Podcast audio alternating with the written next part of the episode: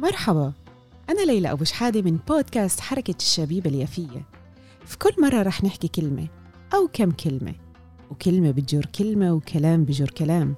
الكلمة مش بس بتتقال الكلمة كمان بتتحس.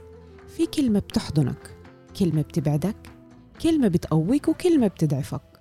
ماضينا كلمة مستقبلنا على كلمة والحاضر نفسه كلمة. في كل مرة رح نقول كم كلمة وهاي المرة كلمتنا هي. الثقة. كل ما بنكبر وتجاربنا بتزيد ثقتنا بالناس بتقل. بتقل لأسباب مختلفة من شخص للتاني.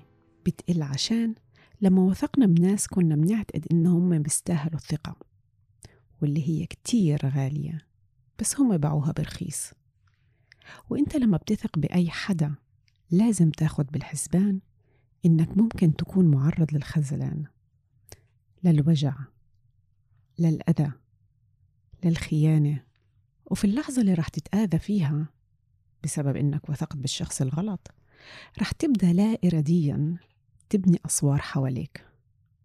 أسوار اللي رح تمنع عنك أي حدا يقرب لك.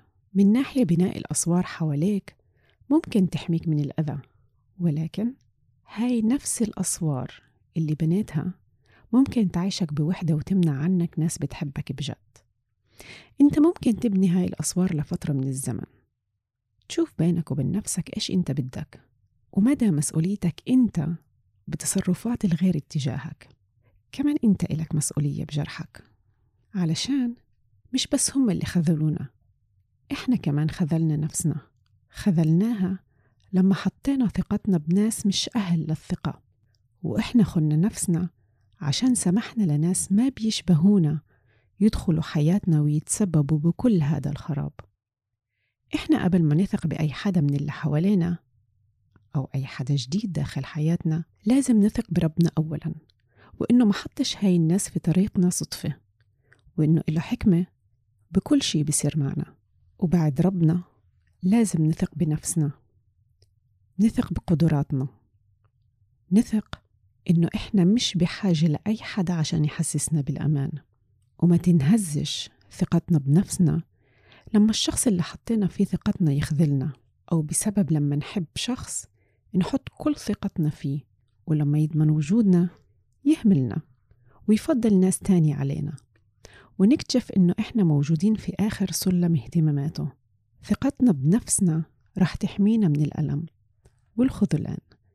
ومش رح تفرق معنا وين إحنا محطوطين في حياة أي شخص مين ما كان أو مهما كان. علشان إحنا رقم واحد في حياتنا إحنا. وفي أي لحظة ممكن نتخلى عن أي حدا يخذلنا أو يهملنا.